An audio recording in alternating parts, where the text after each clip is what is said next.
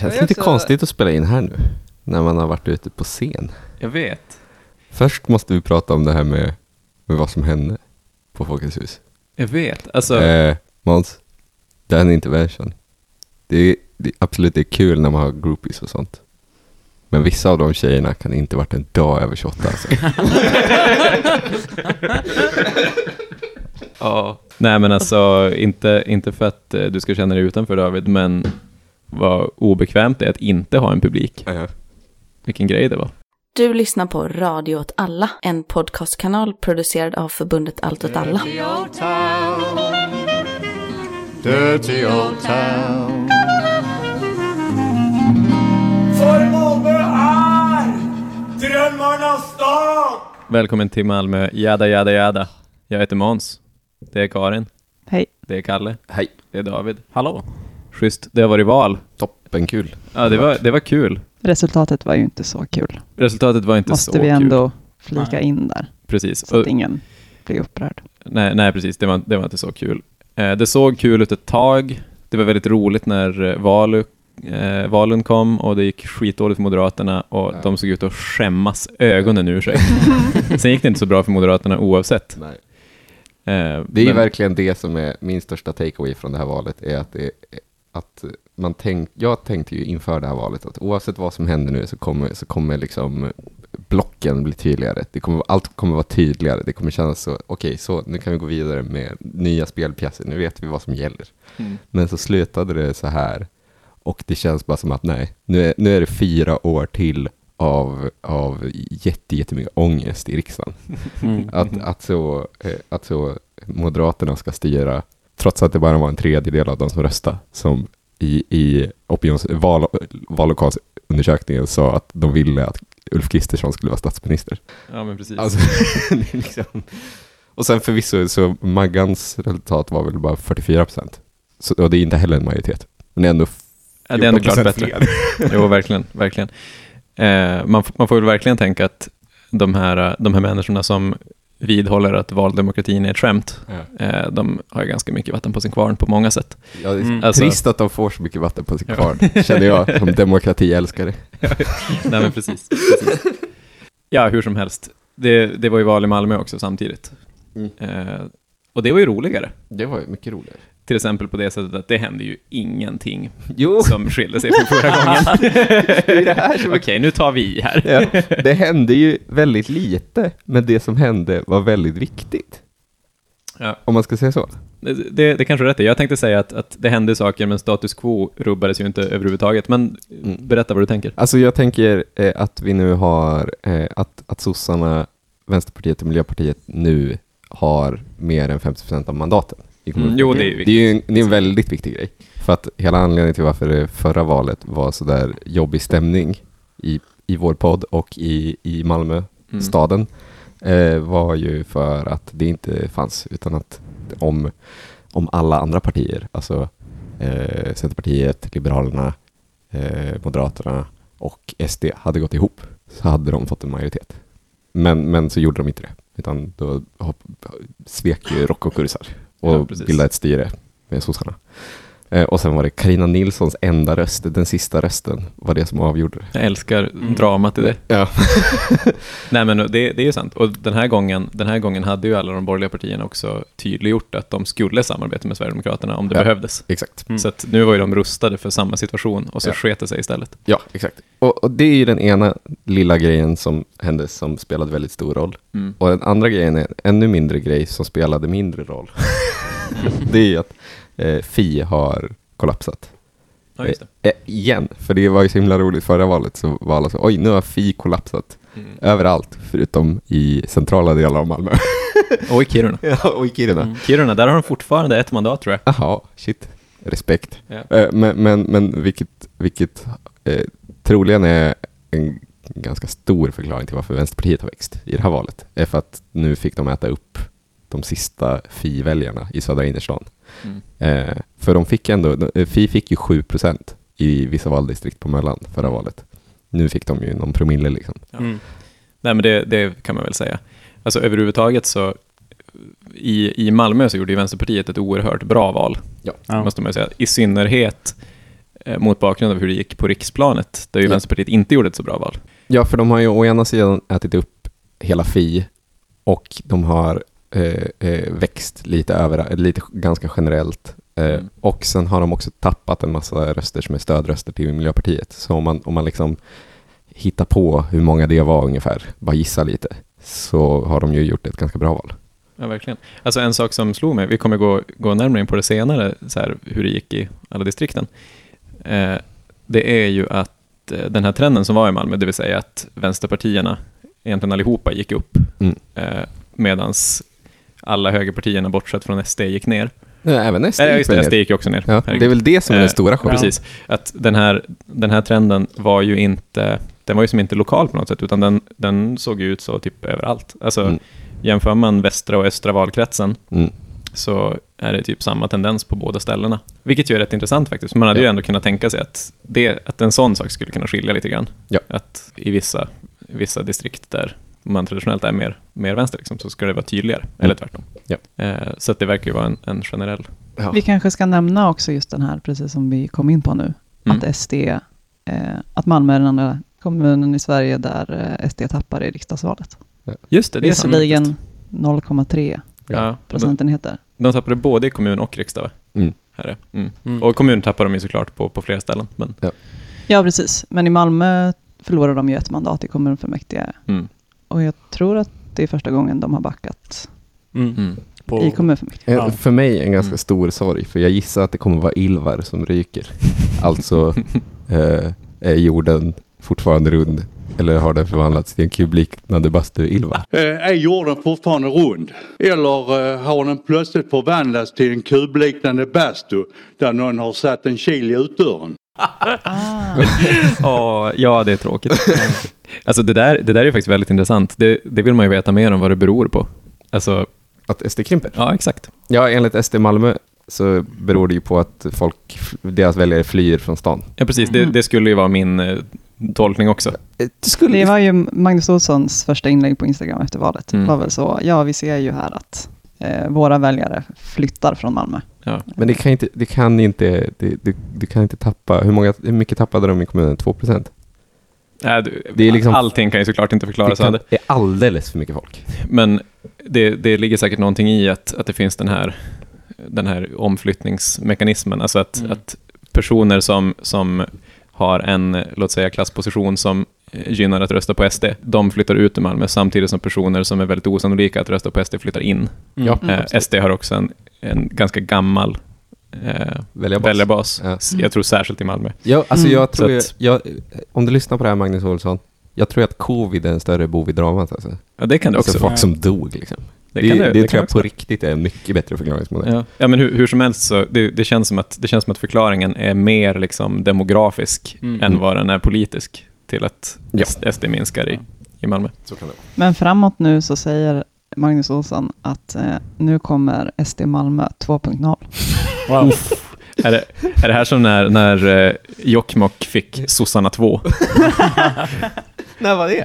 Eh, det var bara för, för några val sedan så startade Socialdemokraterna 2 för de, som, för de som var socialdemokrater men inte ville rösta på det här korrupta maktpartiet. Wow. Är det här skillnaden mellan The Facebook och Facebook? det, känns, det känns lite så. Kommer de ta in Justin Timberlake? ja, precis. Och SD2 kommer vara som MySpace efter Justin Timberlake Det är ju väldigt intressant att, att tänka vad SD 2.0 kommer vara. Det kommer troligen vara SD. Det känns som att det är SD med solglasögon. Ja. jag gissar att det inte kommer vara någon skillnad överhuvudtaget.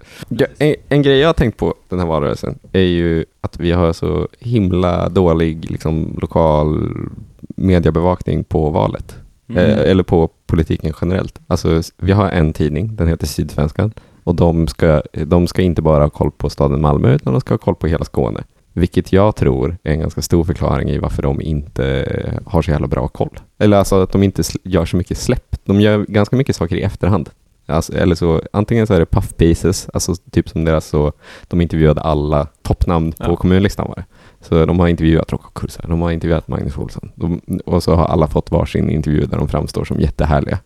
Mm. Eh, så de har gjort lite reklam åt alla partier. Bra public service-minded på något sätt.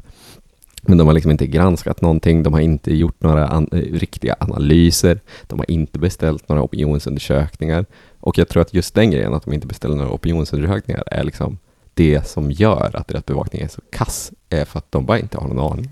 Eller för att Det- ingen har någon aning. Det störde mig riktigt mycket. Det värsta var ju den där artikeln där de gissade fram åtta olika scenarion Ja, som var bara var hämtade ur luften. Ja, Vad händer om sossarna får egen majoritet? Man bara, "Ah, sossarna kan inte få egen majoritet. exakt. Ja. Det kan ju inte hända om de dagen innan släpper en opinionsundersökning som visar nej men det kommer troligen bli ungefär så här som det sen blev. Liksom. Ja. Ja. Det blir nonsens. Liksom. Men gjorde de inte en opinionsundersökning i juni? I april. Ja, det var så tidigt. Ja. Mm. För, Mm. för om du kollar Göteborg till exempel, och Göteborg är inte så mycket större stad än Malmö. Mm. Alltså Malmö är ju absolut mindre, den minsta storstaden i Malmö. Ja, det är Eller i ett Sverige. objektivt faktum. Det är ett faktum. men, inte Om man inte är Sverigedemokraterna och verkligen vill göra en folkräkning för att vara säker på det. men inte så mycket mindre. Alltså så. För övrigt skulle jag lägga Skulle fram förslaget så om jag var Sverigedemokrat. Vi vet ju faktiskt inte om Malmö är större än Göteborg. Nej. Så, Men, men, men ändå, ändå inte så mycket mindre. Så det är liksom, det kan, och så dyrt kan det inte vara att beställa en opinionsundersökning. Speciellt inte eftersom att det, genom att göra en opinionsundersökning så får du ju också så 20-30 artiklar att skriva om den opinionsundersökningen, garanterade. Liksom. Mm. Det måste ju ändå vara rätt nice om man är en tidning att ha så, ja ah, men vad ska vi skriva om? Men, åh, jobbigt, åh. Men man kanske, vi kanske tar fram ett material som gör att vi inte behöver tänka så mycket på det. Ja, vilken bra idé. Jag tycker att eh, eh, till Sydsvenskan, som jag också lyssnar tillsammans med Magnus Olsson, jag, jag tycker att de borde ha gjort en eh, opinionsundersökning tillsammans med de andra Skåne-tidningarna och gjort det för Skåne istället. Mm. För att det är ju det är ju lite en sak. Alltså, du, måste ändå, du måste ändå intervjua väldigt många personer för att opinionsundersökningen ska vara meningsfull. Så att det Ja. blir ju ändå ganska dyrt. Eh, alltså för att det ska vara statistiskt meningsfullt. Mm. Och då är det en, känns det ändå som att det är en bättre idé att göra hela Skåne. Det hade ju också gynnat Sydsvenskan från de Det finns i hela Vi Skåne. vill ju veta hur det går i Kävlinge också. Ja, utan Östra tvekan. Göinge. Det är Ja. aldrig några jävla nyheter om Det Östra var, Göinge. det var ingen som kunde förutse att SD skulle gå ner i Bromölla till exempel. Men, men, Ja, men, men den, den bevakningen, alltså så, du sa ju det David, den här artikeln om åtta potentiella scenarion. Mm. Det blir så extremt talande för att det är ju, och att den benämndes som en analys, men det är Ja. inte en analys att bara säga så, ja men tänk om, tänk om partiet Nyans får 10 procent. Ja men då, då, är, då omkullkastas ju alltihopa. Ja, Ja, det är ju sant. det är I och för sig. Det, ja. Alltså, det var inget i det som var felaktigt. Det var bara mycket som var väldigt o- det irrelevant. så dåligt liksom. Ja. Eh, och, och, och, och också apropå det vi pratade om på livepodden. Alltså kommunpolitiken eh, ständigt aktualiseras, liksom. att den blir Mm. större och större, viktigare och viktigare. Eh, alltså, eh, partierna nationellt, eh, alla partier är fruktansvärt medieoptimerade. Och då, och, det- så de vet att det de behöver göra, det är ju att bara skapa vibes. Liksom. Mm. Att aldrig ge raka svar, bara viba liksom. Medan i kommunen så kan man inte göra det. Utan då måste man ge konkreta förslag. Så sossarna har en riktig plattform som de går till val på och där de säger så. Vi vill ha en ungdomsgård här på denna platsen. Liksom. Eh, då borde det ju vara mer och mer intressant att ha koll på det också. Det, det är ju konstigt att vi fyra är de som har, har bäst bevakning av det här. För vi har ju varit skitdåliga den här valrörelsen. Vi har inte pratat om valrörelsen en enda gång. Hur kan vi vara bäst? Det känns också som att vi bygger ganska mycket på vad Sydsvenskan Ja, säger. det är så också det som är mitt problem här. Vi är bättre än dem, men genom att de är så dåliga så blir vi också dåliga liksom. men jag kände ju att jag bodde under en sten hela augusti. Ja. Eh, noterade nästan ingen varelse, fick titta på Sydsvenskans... De, har ju, de hade ju en debatt. Ja, Ja, det hade de faktiskt. Som de livesände. som tittat på den här. Jag tittade på den efter valet. Så det är ungefär det jag har, liksom, den inblicken jag har Ja. haft i någon eventuell valrörelse i Malmö. Förutom den fantastiska Instagram-posten som ändå får räknas in tror jag, för att det var under liksom, veckorna före valet eh, som Simon Krisander från Liberalerna gjorde en sån backflip från från eh, Titanic i alltså den här eh, utsikts, ut, utsikts... Eh, vad kallar man det? Det är någon sån utstickande... Den kallas nog bara Titanic. Jag tror att Ja. alla fattar Titanic. Eftersom Ja. man kan stå där uppe och, Och sträcka ut armarna. och säga I'm the king of the world. Ja, precis. Och så är det typ eh, i Västra hamnen då så är det så 10 meter ner i havet. Och så får man se Simon Kisander eh, göra en volt i slow motion. Om Simon Kisander sitter där på Sydsvenska kontor tillsammans med Magnus Olsson. Ja, det gillar vi. Det var coolt. Ja, faktiskt. Ja, men alltså, jag, jag tyckte, och det, det har kanske med mediebevakningen att göra också, och lite så här med, med partiernas egna strategier, att det kändes som att det var, en, det var väldigt lite valrörelse för Malmö. Alltså, Mm. även partierna i, och det här är väl ganska vanligt egentligen, Mm. att även partierna i Malmö känns som att de mest kampanjade på riksdagspolitik. Det är ju också min, lite min spaning. Att, det, att samtidigt som kommunpolitiken ständigt aktualiseras och blir en större del av liksom, politiken generellt, eh, eftersom att kommunerna är Mm. liksom, mer och mer en viktig aktör liksom, i relation till stat och så vidare. Eh, Samtidigt som det händer så eh, sker det en så extrem centralisering av hur man kampanjar eh, liksom politik. Alltså att allting nu, du, eftersom att du kan lägga upp en annons på Instagram som blir sedd av mångdubbelt fler än de som ser de här jävla gatupratarna som någon ställer ut. Mm. Eh, på grund av det så lägger man ju mer och mer pengar på så effektiv kommunikation på sociala medier. Liksom. Och Mm. då, då tas ju kommunikationen återigen längre ifrån sakfrågorna, för du kommer ändå inte... Du, ja, du fattar vad jag menar? Ja, Alltså, ja, absolut. absolut. att, att, att Det är så standardiserade budskap. ja, valrörelsen syns ju, har ju synts extremt lite på gatan det Precis. här valet. Eh, Och jag tycker inte att det är så konstigt. Jag, ty- jag tycker inte heller att det egentligen är ett så stort problem. Det är mer bara en observation. Att, att, att det är lite weird. Ja, precis. precis. Ja, men det, det känns inte som att det fanns, att det var typ inget parti bortsett från, möjligtvis från S, jo, SD i regionen som hade världens mest irriterande affischer. Eh, Folk stod i luften. Ja, precis, med, med helt fruktansvärt mycket text på också, som var helt omöjlig att ta in när man cyklade förbi den, ens om man började 200 meter ifrån den. Ja. Eh, så var det som ingen som hade något riktigt, något riktigt lokalt liksom, eh, budskap. Det är någonting som är lite intressant med att sossarna fortsätter eh, profilera sig som eh, eh, partiet som bygger staden. Mm. Eh, fortfarande efter 30 år Mm. av, att, av att ha det som sin stora grej. Vi har De inte har ju byggt haft- ihop den än. Nej, det De var har faktiskt ju intressant. sloganen Vi bygger Malmö helt. Ja, Det är den som de har kört hårdast på. Mm. Jag blev Eh. besviken att Moderaterna inte körde Vi bygger Malmö helt och rent. Det är ändå, ja, du hade kunnat sälja den tror jag. Och när i den här valdebatten som Sydsvenskan anordnade med alla partiernas eh, första namn, så fick de en slutfråga, så fick var och en eh, berätta om eh, sin vision för Malmö. Det var ju Typ. den absolut mest desperata stunden på debatten. Där alla fick varsin minut där de skulle säga så mycket som möjligt. Det var väldigt jobbigt att titta på tyckte jag. Ja, det fanns flera desperata stunder, men det, ja, absolut, så kan det ha varit. Jag kände ändå som att de var hyfsat förberedda på den frågan. Det var inte som när, vad var det för fråga Anton Sauer fick, där han bara inte kunde svara, för att han var så, Det såg ni. jag trodde inte jag skulle få frågan Ja, här. just det. Vad- Eh, vad Det var var någon så det? skit, alltså det var någon så dum, alltså så att de ställde en skojfråga.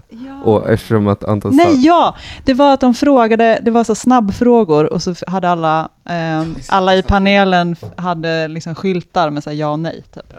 Eh, och så frågade Sydsvenskans reportrar som modererade debatten, eh, ska Zlatan-statyn stanna i förrådet? och Anton Sauer klarade liksom inte av att hålla upp ja eller nej. Nej. För att han bara inte hade tänkt på Och- det. och- alltså att man ändå och- kände så här, man, jag kände, man kände ändå med honom så. Och- bara, "Ja, men jag har, inte, jag har inte tänkt på det här, jag vet inte vad det askul- innebär. Också askul att sydsvenskan journalisterna då inte känner av det. Att det inte är, ja men nu, oj nu, Anton Sauer, vad konstigt. Att han, att han väljer att inte svara på den här frågan. Gud vad märkligt. Vi måste grilla honom om det här. när, när alla som såg det här förstod, ja men det här är att Anton Sauer inte har en åsikt. För ingen som står här uppe har en åsikt egentligen.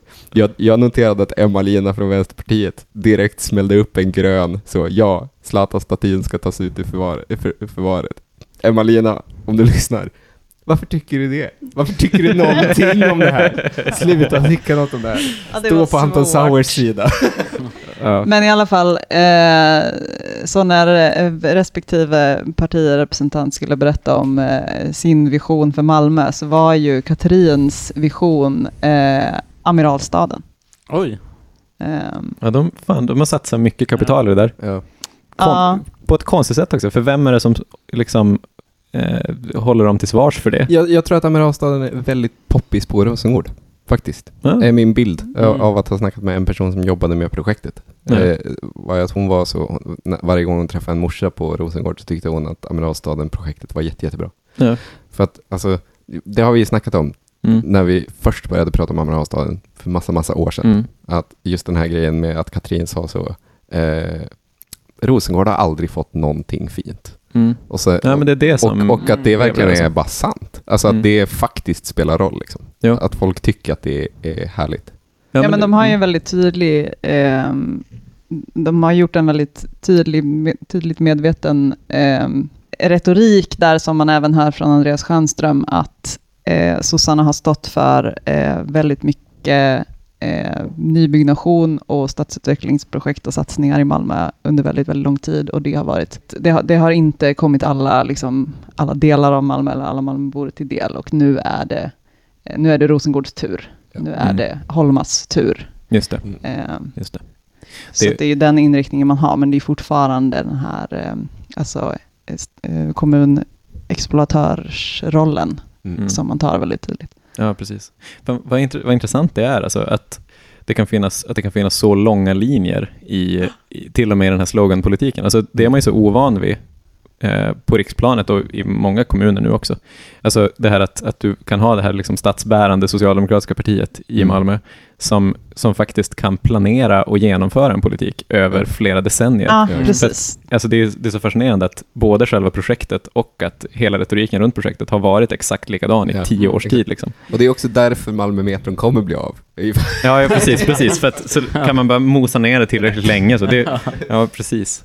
Det här är som att när man började prata om Kulturhuset i Skellefteå på 70-talet, då, det var visserligen alltid någon som sa nej, men fem decennier senare av obrutet sossestyre, Ja. så då blir det av. Ja, nu står det där. Då hittar någon det där pappret. Men gud, vad skulle Det var jag... något mer från den debatten som var kul, som var lite intressant. Det var ju, det var ju att Magnus Olsson på hans sån minut, Ja. då, då, då, då brände han snabbt igenom allt det väntade och var så, Mm. ni vet redan vad jag tycker om fattiga och invandrare. Han sa inte så, men typ så. Så jag behöver inte säga det. Så då vill jag istället säga att jag tycker att vi borde plantera mer grönska på våra torg, eh, bygga ut våra torg och göra så att man kan parkera sina bilar under våra torg. Ah. Och direkt efter honom, eh, direkt efter att han då alltså har lanserat idén bygga parkeringshus under torg, vilket är en ganska stor grej ändå. Det är ganska stort. Eh, direkt efter det så säger Lena Nanne, jag vill inte lova några stora och, och fina saker, för Malmös ekonomi är i kris. Så jag lovar bara att vi kommer styra upp ekonomin. Just det, just det. Jag måste säga att det är väldigt skönt att det inte blev ett moderat styre, Ja, om vi ska ja. lämna vår public service-roll en liten stund. Mm. För att det, det, det känns ju som att, alltså Moderaterna, som vi pratade om på live, livepodden, så är ju Moderaterna i Malmö eh, ett loserparti. Ja. Alltså, Mm. det finns väldigt lite i Moderaterna där man på allvar kan tro att de själva tror att de vinner. Ja. Så att alla deras, alla deras förslag, det är som att de bygger på att vara impopulära. Ja. Eh, vi ska inte, om vi vinner så ska vi kanske låta er vara ute sent på natten genom att göra det lättare att få sälja alkohol efter två. Ja, Men annars handlar det bara om att vi ska ta bort grejer. ja exakt. Liksom. Och, och att in, inte ens göra det på det här sättet att, att man tar bort saker för att kunna gynna någon, Nej. utan bara Mm. ta bort saker. Men ska vi prata om styret nu? Det För kan, nu det kan vi absolut göra. tangera det. Precis. Mm. Vi ska spekulera om styret. Vilket styre kommer vi ha? Vilket styre vill man ha? Hur är styret? Precis. Hur Eh, styrs det? Hur, precis, hur styrs det? Vi har ju redan konstaterat att, eh, så har vi konstaterat att S, MP och V har majoritet i kommunfullmäktige, till skillnad från förra mandatperioden, Mm. då sossarna eh, gick in i ett samarbete med Liberalerna för att få till en majoritet. Hur, hur många mandat är de har? För det är väl totalt 61 Mm. eh, i- hela fullmäktige. Plus Carina. Ja, om man behöver 31. Ja, men Carina är ju... Är inte hon det, det 61? Jaha, Nej, är det så? Jag vet inte. Jag är inte så säker på det. Fan nej för Carina är väl bara utslagsrösten. Ah, okej. Hon är ju, hon, vad, vad heter hennes roll? Hon är ordförande. ordförande. Borgmästare. Ja. men sossarna fick väl 20, Vänsterpartiet 9 och Precis. Miljöpartiet Fyra. Ja. Vilket alltså innebär att tillsammans så har ju de egen majoritet. 33, Mm, 33. av 61 mandat plus Carina Nilsson. Precis. Så, så det är en ganska ty- klar majoritet. Ja. Men, Mm. Så frågan som alla ställer sig nu är, kommer sossarna ändå att vilja fortsätta styra tillsammans med Liberalerna? Det vill säga att Liberalerna ska ingå i, i eh, eh, vad Styret. säger man? Ja. Styret. Styret Ja, precis. Men, men, Mm. men f- först, för att kunna prata om det, så måste man nog klargöra att, att alltså så, den, den mandatperiod som har varit nu, då har sossarna styrt tillsammans med Liberalerna. Men de har varit, under hela den processen, varit beroende av stöd från Mm. Vänsterpartiet och Miljöpartiet. Mm. Eh, I stort sett i alla frågor, förutom i vissa väldigt specifika frågor, då jag tror att de har varit beroende av stöd från andra. Ja. Eh, när Vänsterpartiet har, har varit vresiga så har de vänt sig till alla andra istället. Precis. Det, det undrar jag. Alltså, det, det, det här är en helt öppen fråga om vad som, vad som var Socialdemokraternas eh, strategi när de gjorde så. Mm. Om man eh, bestämde sig för att styra ihop med Liberalerna och kom överens om en budget tillsammans med Liberalerna för att man liksom skulle ha ett ben ute åt det hållet hela Mm. tiden. Alltså för att göra det lättare att, att få stöd Men det, från andra. Var det inte för att splittra alliansen inom sitt Ja, jo, jo, jo så var det, ju. det var det ju. Men, men också att de var eh, eh, 100% beroende av det. Alltså att det inte gick annars. Nej, just det. Just Alltså det. är ju det är den ja, just det. Den här, huvudsakliga. den här diskussionen kommer in nu istället. Ja, för exakt. huruvida de ska... Mm. Alltså, Mm. och det är ju det som är den stora skillnaden mellan de här två olika valen. Är att Mm. de behöver inte Liberalerna. Så om det skulle bildas ett styre med, med Liberalerna så är det bara för att sossarna av någon anledning jättegärna vill det. Ja, precis. Mm. precis. För, för spekulationen från på Sydsvenskan har ju varit eh, i någon artikel. Och det är väl typ den enda artikel som har skrivits om det här, eftersom Mm. att Sydsvenskan är som Sydsvenskan är, som vi tidigare pratat om, är ju att det kommer de vilja för att de är nöjda med hur styret är. Och man bara, ja, men absolut, men om de är nöjda med hur styret är nu, då kan de lika gärna bara göra det själva. Eftersom att de inte behöver Liberalerna längre. Mm. Nej, nej, precis. Det var väl strikt sett en, Sydsvenskan intervjuade en statsvetare och sa, Mm. vad tror du kommer hända? Och då var han så, Mm. mm, men eh, kanske att de ändå vill eh, fortsätta hänga med Liberalerna. Det har ju funkat Mm. så himla bra. Men jag, jag, har, Ja. jag har ju också hört det från andra människor. Ja, okej. Och det är bara så jättekonstigt. De pratade också med Ilmar Ja. Reepalu. mm. Han eh, la ju sina kort på Mm. ett eh, vänsterstyre, det vill Mm. säga inget samarbete med Liberalerna. Nej. Men, men vad tror ni kommer vara styret? Alltså, tror ni att det kommer vara sossarna ensamma eller tror ni att det kommer vara sossarna med Miljöpartiet eller sossarna med Miljöpartiet och Vänsterpartiet? Det här kommer för övrigt släppas om en vecka, så det kan vara så att vi redan är Precis, vi kan, ju, utdaterade. vi kan ju faktiskt vi kan ju göra en disclaimer här att vi spelar in en vecka efter valet. eh, vi förväntar oss att man kommer veta mer om vad som händer inom typ två, tre veckor Ja. förmodligen.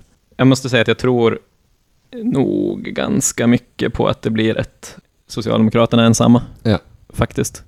Alternativet skulle vara, å, återigen, om, om, man, här, om man spekulerar. Jag, Mm. jag, jag tror nästan mer på fortsatt SL Mm. än vad jag tror på en vänstermajoritet. Ja. Just för att det är onödigt. Ja. Alltså, Socialdemokraterna har på något sätt mer att vinna på att stå i mitten, därför att då kan de, med den mandatfördelning som är, Mm. så kan de ganska lätt, tror jag, få stöd för, viss, för saker som vänsterpartierna inte gillar, kan de Mm. få stöd i, hos de andra, Mm. medan de för det mesta kommer att få stöd från vänstersidan. Ja. Mm. För det här var väl Det ett skulle problem förra gången när det var ett rödgrönt styre. Mm.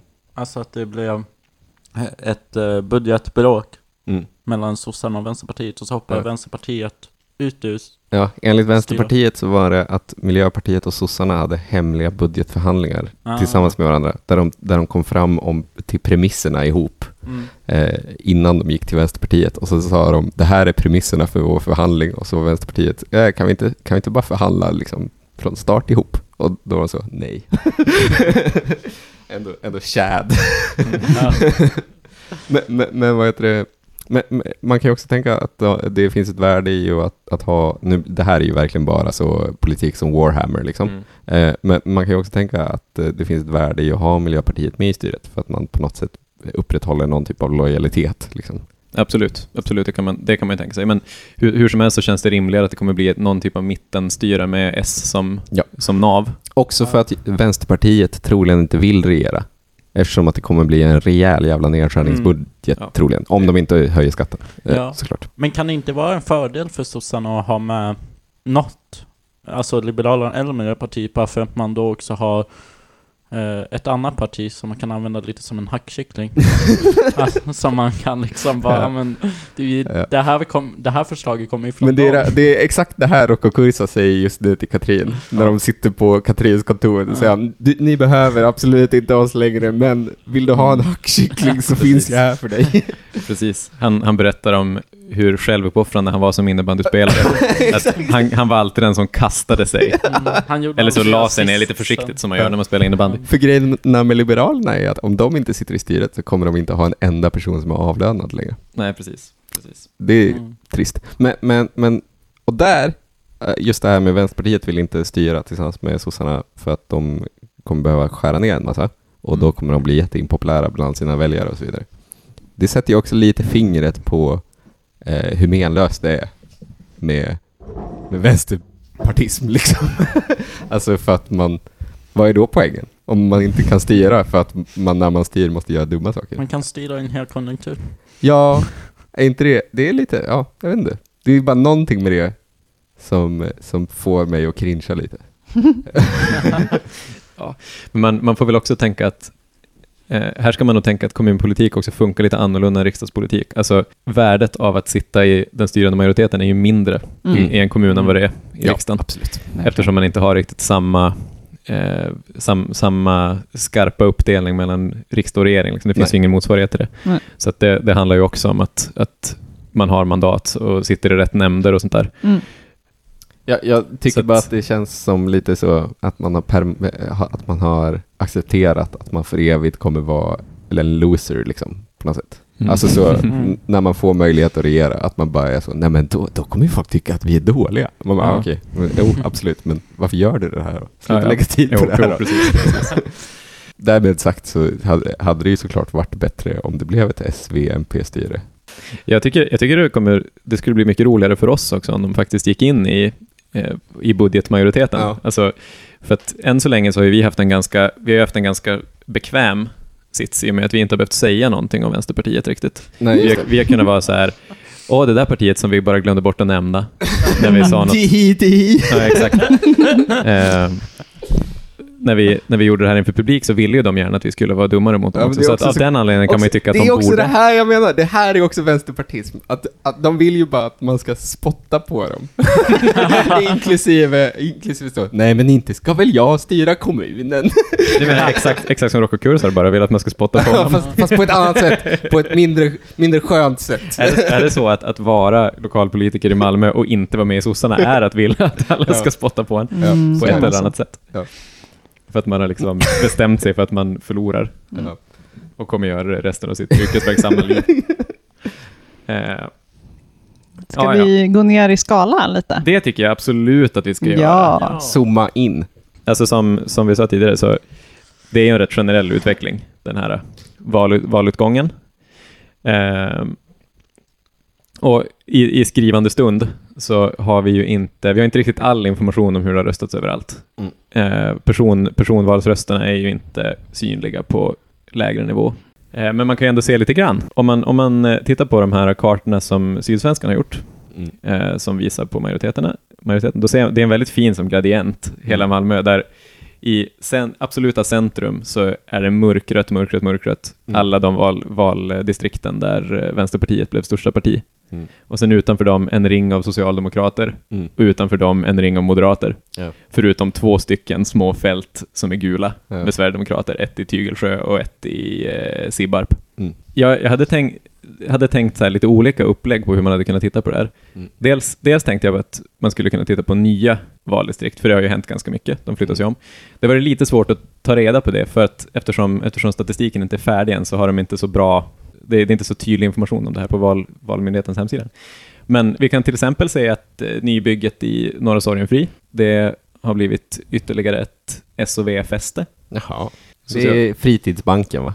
Det är fritidsbanken som gjort det. Jag tror det. Folk har att- lärt sig. och att- Man kan leva tillsammans. Och att, och att, och att Schön, Schönström var där och invigde torget. Ja, exakt. Också. Det finns ingen plats som Sjöström invigt som sen röstar på något annat än exakt, exakt.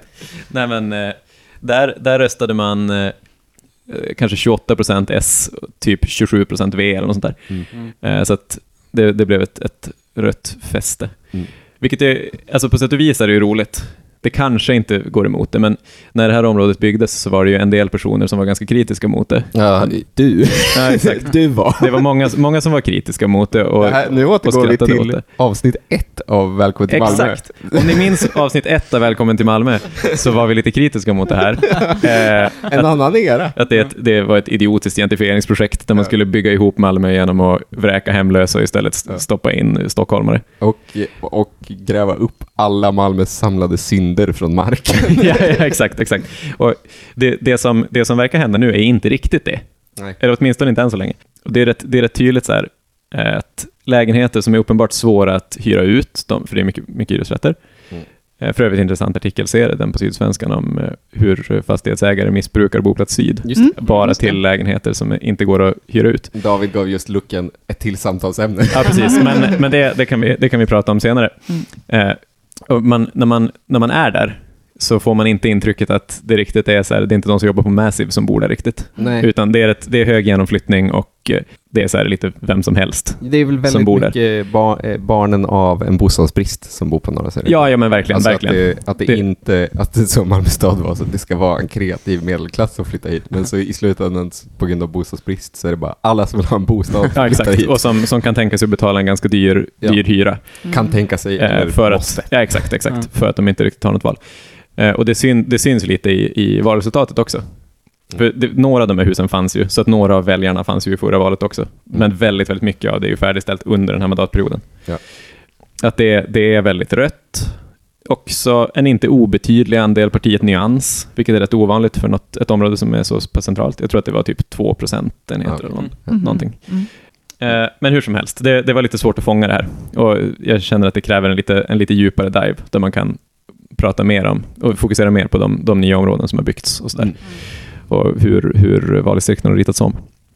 Eh, Så att jag tänkte, eh, när jag liksom fortsatte leta efter något intressant där, så tänkte jag på att hur är det egentligen där, där partiets första namn bor? Mm, det är en bra För att man, fråga. kan, man kan tänka sig att där de bor, Mm. då känner deras grannar dem, eller känner de, känner de, men känner igen dem i alla fall. Mm. Man har sett dem i trappuppgången och man har sopsorterat tillsammans med Anton Sauer. Man har vinkat. Och sånt där. Man har vinkat, sett dem cykla med cykelhjälm. Så, Katrin Stjernfeldt Jamme till att börja med. Ja. Det här har ju Sydsvenskan också skrivit om. Ja, vars, vars bor hon? Hon bor i Västra Hamnen. Eh, hennes valdistrikt är det enda röda i hela Västra Hamnen. Så att det är, eh, Oj, en KSI... eh, det är en KSI-effekt. En Wow. svinbra KSI-effekt där. Verkligen. Så att hon har lyckats väldigt bra med att cykla med cykelhjälm och att sopsortera och ha Ja. sig. Ja. Gud ja. Magnus Olsson, Vars bor han då? Oxie givetvis. Ja. Eh, Kristineberg specifikt. Eh, inte så bra.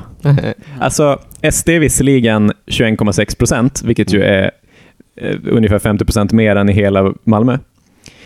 Eh, men det är också ett av Oxias absolut sämsta SD-distrikt. Jaha. Eh, så att inte, inte så mycket Magnus Olsson-effekt Ja. faktiskt. Han kastar glaset rakt ner i soptunnan. Precis, Ja. precis. Och han har inte cykelhjälm. Nej. Och han kanske är så här lite blyg inför grannar, så att han fäller ner blicken för att han inte vill att de ska lära känna varandra. Magnus Mm. Olsson har installerat en sån, en sån eh, grej på sin cykel som gör så att den låter som en motorcykel. Åh ja! Det tror jag. Det tror jag. Och folk tycker Alltså det är lite tejpat jobbigt. fast ett spelkort i ekrarna. Ja, precis. Och grannarna stör sig. Nej, Magnus Olsson vill vara, han vill vara en sån här... äh, En sån eh, H-uthängd sverigedemokrat. Ja, exakt, men han är ju för snäll. Det är ju så roligt, han, så att han står bredvid sin cykel med sina stora händer och här, sin lite obekväma pose som han alltid gör på alla helfigursbilder. Eh, I alla fall, Helena Nanne, Mm, vars bor hon? eh, Södra promenaden bor hon på. Jag vet inte vars det är. Eh, det är eh, det första du ser i eh, liksom, innerstan innanför kanalen om du kommer från Värnhemshållet. Ja, ja, alltså där vid typ polishuset. Ja, precis. Mm. precis. Eh, det finns två stycken, två stycken valdistrikt där. Eh, hennes ett katastrofalt M-distrikt, 16 procent, alltså Oj. sämre än i hela kommunen. Och dessutom sämre, sämre än i hela kommunen praktiskt taget på Gamla Väster. Oj! Så att det är lite sådär. Eh, Hon måste ha liksom gö- göra allvarlig skada på sin valkrets. Hon Ja, kan inte bara Nej, installera precis. ett kort på sin Därför cykel. att i, i valkretsen bredvid så får Moderaterna typ 10 procentenheter mer. Och såklart har det här att göra med till exempel vilka upplåtelseformer och sånt det är. just Men det tycker jag inte vi behöver gå in på. Nej, det är Utan tråkigt. som, som med allting annat med Helena Nanne, så hon är säkert bra på många saker, men hon har ju väldigt, väldigt lite utstrålning. Ja. Mm. Så att hon är ju absolut en granne som eh, när hon hör att någon annan är i trapphuset så väntar hon med att öppna dörren. när hon är på väg ut med sin Men, lilla men, hund. sen, men sen har hon hjälm. Hon källsorterar och så vidare. Ja, Så ja, det gör hon hon. Hon gör det bara när låta ingen någon ser. se det. precis, precis.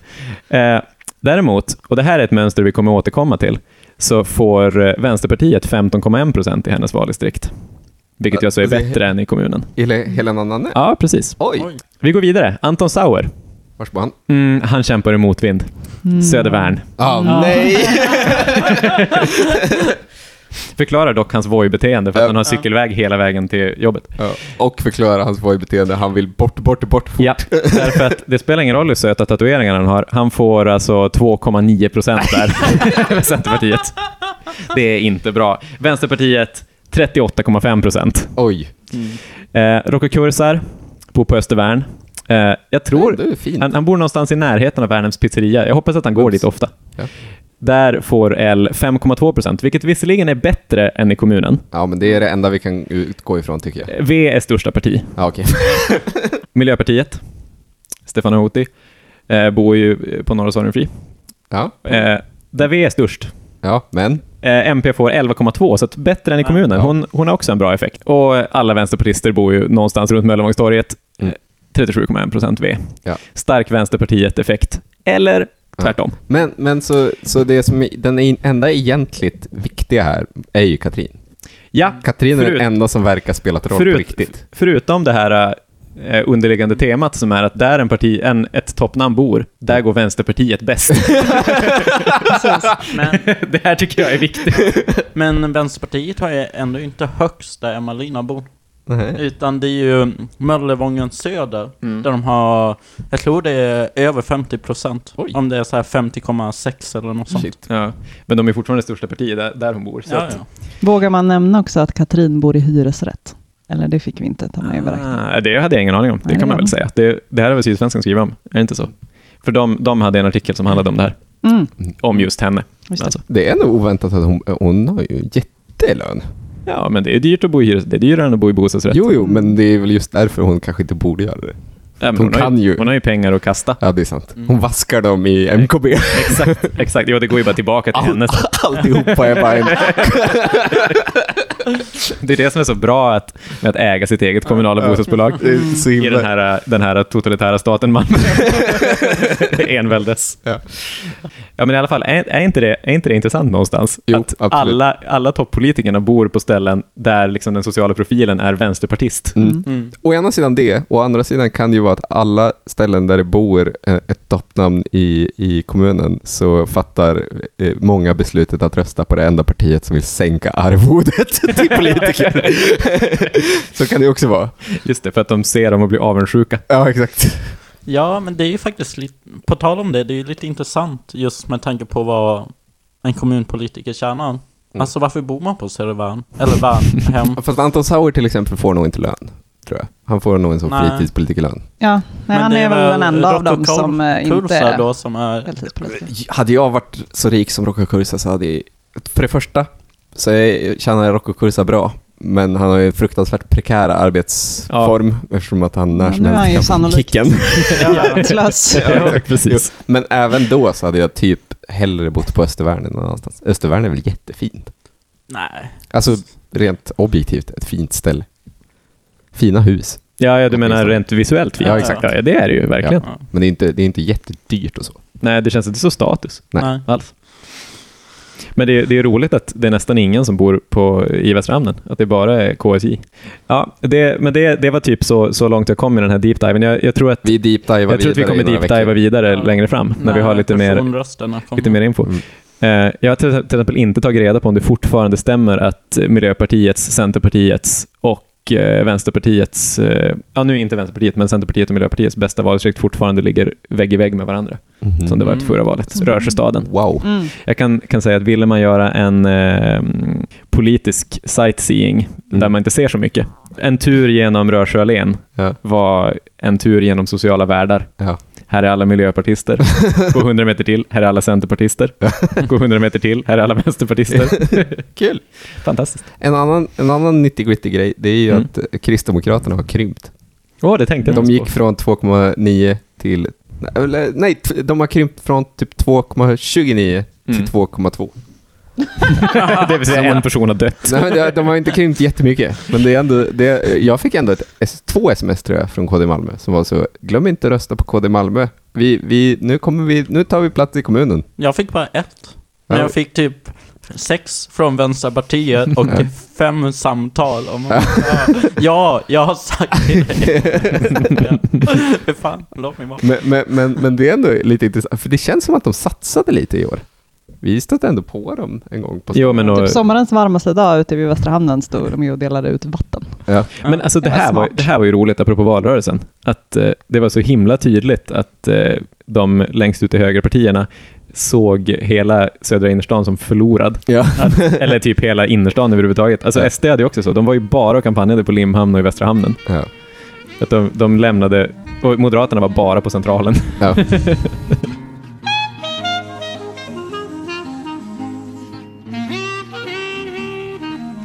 Energifrågor har ju stört mig väldigt länge. Ja. Eftersom det har varit en väldigt dum debatt i många år nu. Ja. Och nu är jag lite bakis och lite trött. Jag har inte samma sån här... Umfet. Ja, och, och det, det får ni ursäkta mig för. Men, men det som har hänt nu i veckan, Mm. det var att E.ON gick ut med att de skulle från nästa år höja priserna på fjärrvärme. Mm. Eh, 13% för privata kunder, alltså villor. Och, I Malmö bara. Malmö och Burlöv. Ja, fast det var ju det Sydis skrev om. Men det är ju också i Stockholm, Örebro och Norrköping. Jaha. Och det kommer ju påverka i princip alla hus Mm. eh, i Malmö. Eh, för det är ju väldigt många som har fjärrvärme. För det har ju varit eh, en billig form av uppvärmning. Eh, och, det, och, det, och det är lite oklart exakt varför, eh, alltså var, vad som är orsaken till den här ökningen. E.ON hävdar ju att det är dels att uh, fjärrvärmen här i Malmö och Burlöv är ju biogasberoende. Och man producerar ju biogas, men att på grund av att det stiger i hela världen så stiger också priserna för biogas. Mm.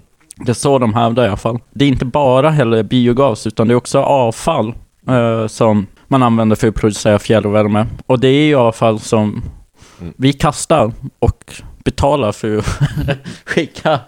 Det, alltså det, det, det, det finns ju en, verkligen en dumhet i allt detta. Då hävdar de att det är utsläppsrätterna, eller kostnaden för utsläppsrätter som har ökat. Mm. Och alla de här sakerna samverkar enligt E.ON för att höja priserna. De är ju fortfarande extremt mycket högre än någon annanstans i Sverige. Då har ju två fastighetsägare, Trianon och Heimstaden, gått ut i Sydsvenskan och är väldigt kritiska till den här höjningen. Också MKB ska sägas. De menar att E.ON utnyttjar sin monopolställning. För det är ju det som också är grejen med det här. Återigen, energi, ja, energidebatten och energimarknaden är ju så dum för i nästan alla fall, både när det kommer till fjärrvärme men också el, så är det ju i princip bara olika monopolsystem. Ja. Vilket gör ju att det inte heller är en marknad på ja, men det klassiska sättet där olika aktörer kan konkurrera. Nej, utan nu är det bara tyska E.ON liksom. Ja, och de har ju, alltså man kan ju inte ha tiotal olika fjärrvärmeleverantörer. Mm. Eftersom det ska ju krävas enorma mängder olika rör i, i, i våra städer. Och det, ja, det, så då så måste det ju vara en monopolsituation. Och där blir det ju, alltså om man jämför med el, där har man ju fortfarande så här, du har möj- möjlighet att teckna ett elhandelsavtal med vem du vill. Men just fjärrvärmen är ju att E.ON i Ja. Malmö och Burlöv har ett totalt monopol. Ja. Det är de enda som levererar fjärrvärme. Ja. Och så är det den uppvärmningskällan som finns. Liksom. Men, men där vill jag bara göra en, ett, ett sidospår. Och även el är ju helt idiotiskt. Ja. För där är det ju, åter, återigen, det är ju liksom, man kan, för bara göra det väldigt simpelt, det är ju en kabel som går in i ett hus och en kabel Nu är som går ut. Elektrikerutbildningen på gymnasiet som snackar här. Och, och det innebär ju att du har ju återigen inte ett tiotal kablar som går in Nej, och ett nej. tiotal som går ut, utan så det här att man kan upphandla från olika leverantörer, i många fall är det ju inte ens en leverantör, utan vi har ju också bara ett viss mängd olika platser som producerar el. Och sen har vi massa aktörer, för man har skapat en börs eh, som går till den här börsen köper eh, rättigheter eh, för att sen sälja vidare den här elen till oss. Så egentligen har man bara skapat ett system där vi har en massa mellanhänder som säljer el dyrare. Eh, Och identiska produkter.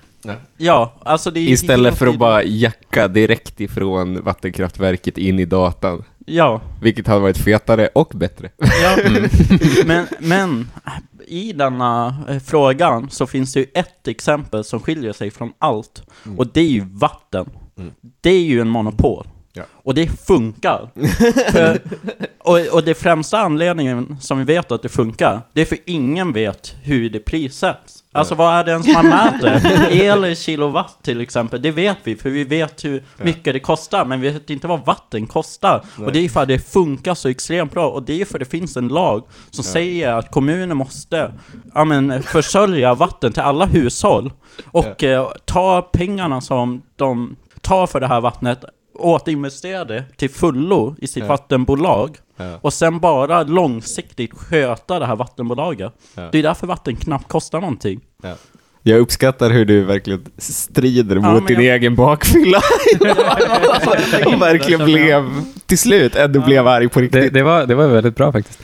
Tror, tror, ni att, tror ni att vi kommer att, ytterligare sidospår på vattnet där, tror ni att vi, att vi kommer att få privatiserat vatten? Nej, Någon, alltså inte den här mandatperioden. Nej, men, men aldrig. Det är längre för fram. dumt. Det är för dumt. Ja, men det finns ju många länder som har det. Jo, men anledningen till varför det är extra för dumt är ju för att eh, de, de länder som har privatiserat vatten, i regel så har de det och nu ångrar de det. Ja, ja, men jag menar, det har ju inte hindrat oss Nej, det är i någonting tidigare. Så att, Men jag, tänk, jag, jag tänker ändå att människor inte är helt dumma i huvudet. Eh, Men jag kan tänka mig en situation där det, man råkar paja vattentäkter. Alltså av, kan, kanske det är klimatförändringar, kanske det är liksom någonting annat som gör att det blir mer och mer en brist. Ja. Då kan det, alltså att det blir, för nu Jo, det funkar klart. det för bra. Mm. Så det är svårt att väcka upp ett sådant förslag. Det Ja. finns som ingen anledning varför vi skulle behöva en privat marknad. Ja. Det är, Nej. det är Nej, samma stund som Båstad blir tillsagda, ni får, en, kan ni chilla med vattningen Ja. lite?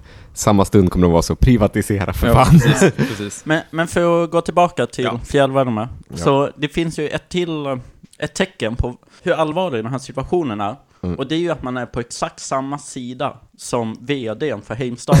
för, för så här säger, så här säger han.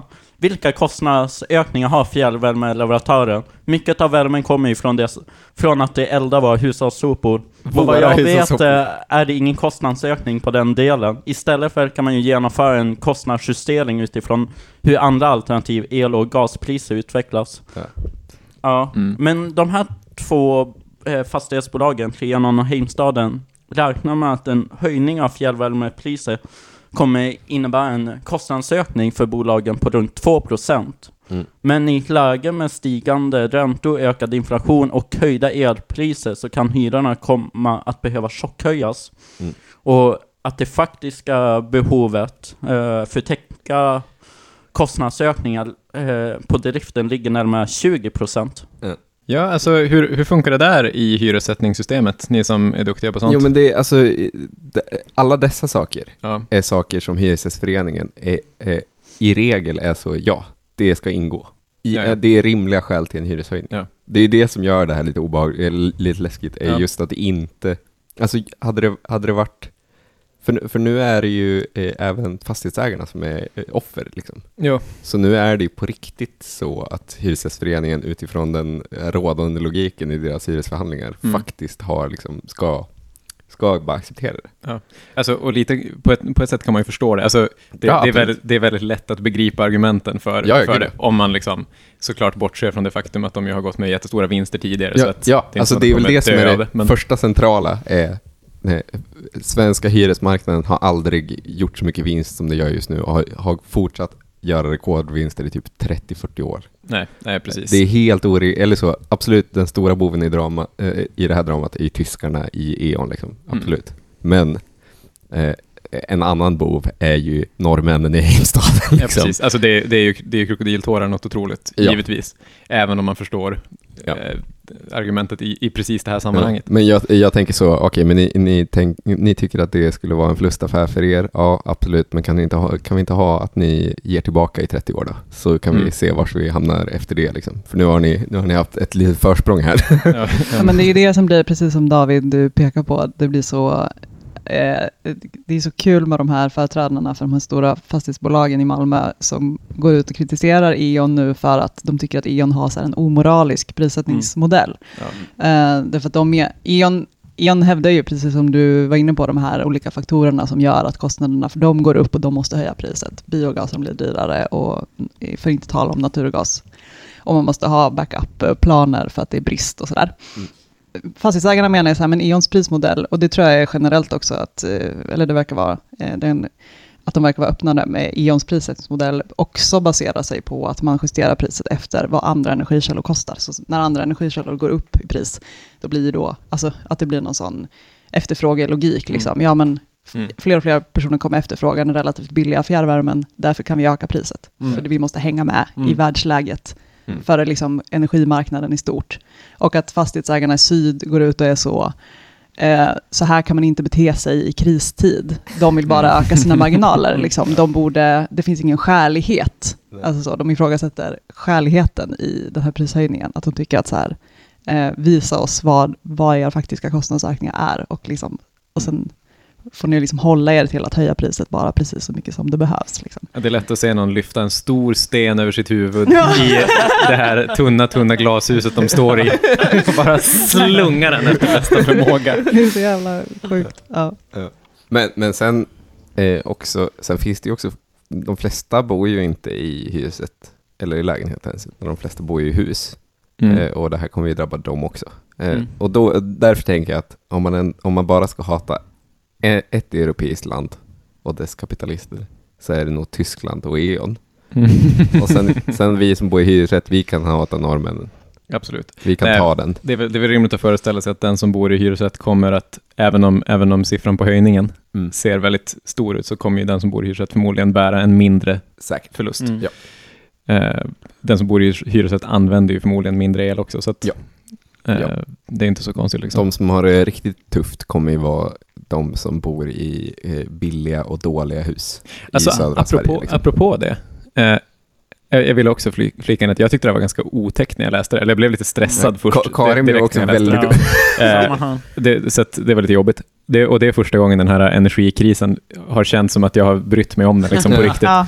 Eh, men, är det inte... Jag, jag, eh, de, i, I vad heter det, lördagsintervjun på P1 eh, nu senast, så pratade de med ett gäng forskare som gick igenom den möjliga nya regeringens politik på bland annat klimatområdet. Mm.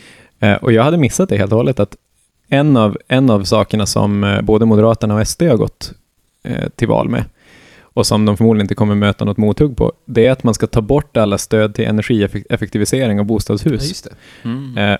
Vilket är väldigt konstigt i ett läge där energieffektivisering för bostadshus ganska uppenbart är lösningen på alla de här problemen. Ja, exakt. Ja. Sossarna vill ju också eh, långsiktigt eh, starta ett eh, kommunalt ägt energibolag. Ja, också. och det är nästan Just det det. jag skulle komma in i. Ja, men Ja, hur, det är väl inte så långsiktigt? Eller det, är väl, det var ju ganska nyligen de gick ut och sa att nej, men nu ska vi faktiskt göra det här. Ja, Om det och går, det var i eller något. slutet av augusti som de gick ut med det. Eh, lite väl passande till valet. Eh, men, men det var ju så att uh, innan E.ON uh, skötte fjärrvärmen eh, och många av våra energiverk. Eh, så fanns det ju faktiskt ett kommunalt eh, energibolag i Malmö.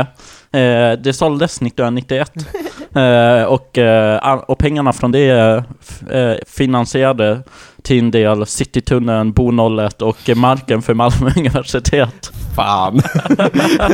Det är så jävla ovärt. Ja, och, och, eh, men det är egentligen eh, inte sossarna som är först med det här, utan i maj eh, så i ett tillägg till eh, ett eh, förslag för en ny energistrategi eh, strategi för Malmö stad, Mm. så, eller i en reservation så sa Vänsterpartiet att de ville att Malmö stad skulle ta kontrollen över elnätet och produktionen genom ett kommunalt energibolag. Mm. Och, och då kan man ju tänka, om nu sossarna eh, har gått ut att de vill starta detta och, kanske, och förhoppningsvis också håller Mm. Sitt löfte, så finns det ju helt plötsligt en majoritet i KF Ja, att starta ett nytt. Men då är ju den stora frågan, hur får man E.ON Ja. att sälja sitt extremt lönsamma fjärrvärmenät och eh, olika... Alltså Men för är, det- ska det, vad, förstår jag det rätt att det här kommunala bolaget i så fall skulle alltså köpa upp elnätet från E.ON? Är det det som är tanken? Eh, det, är, enligt vänster, det är ju Vänsterpartiets tankar. Ah, Eh, okej. I sossarna, de nämner ju inget specifikt, i alla fall i Nej. den artikeln från Sydsvenskan. Men det är ju också annars, eller det är ju lite svårt att se vad som, vad man skulle annars få ut av det. Ja. Visst, man skulle kunna starta ett energibolag bara för att producera energi. Mm. Som man sen sålde kanske till E.ON och sånt. Men om det ska vara liksom bra så borde man ju också köpa hela infrastrukturen.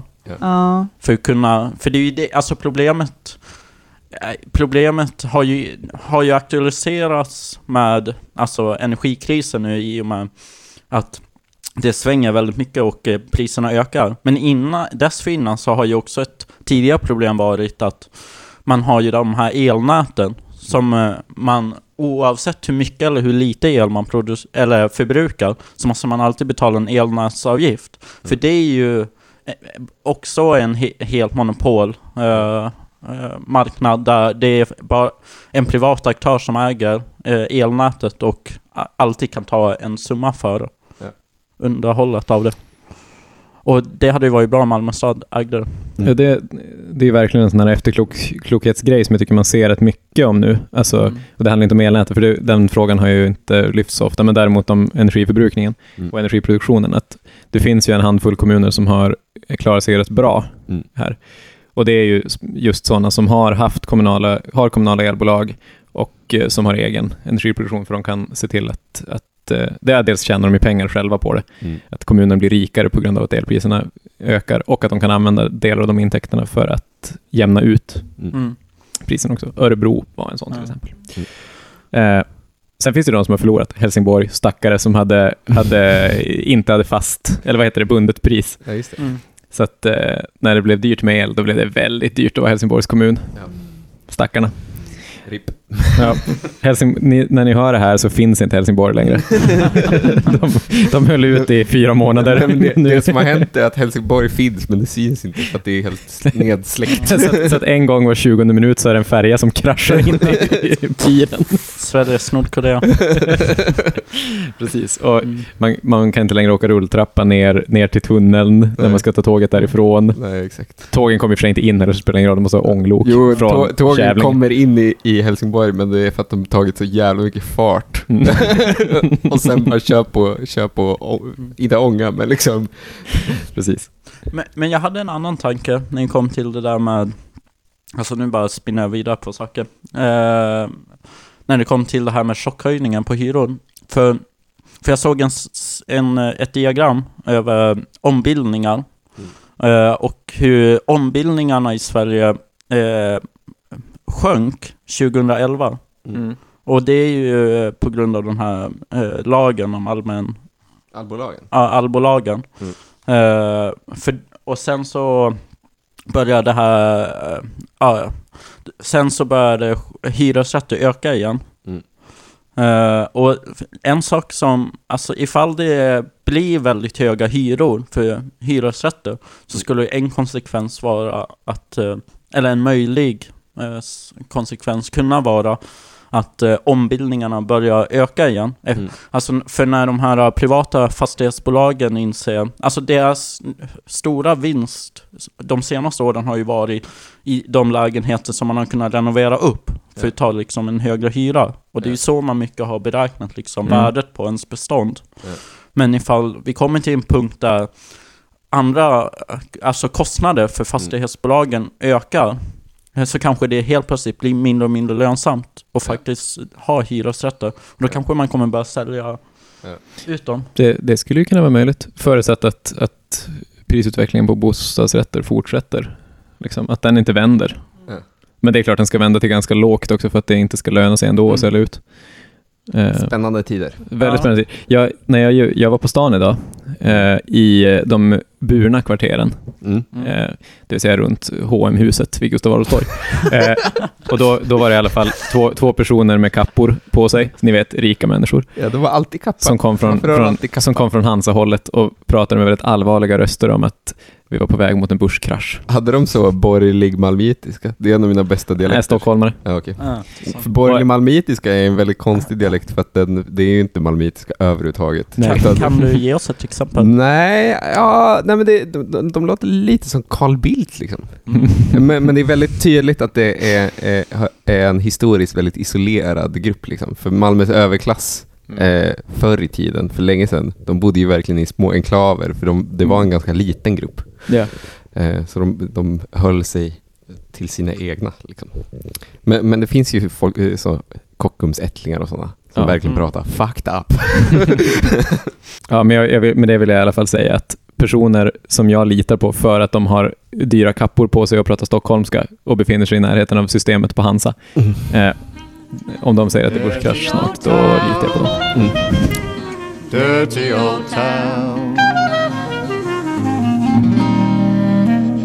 Och härmed så säger jag bye bye.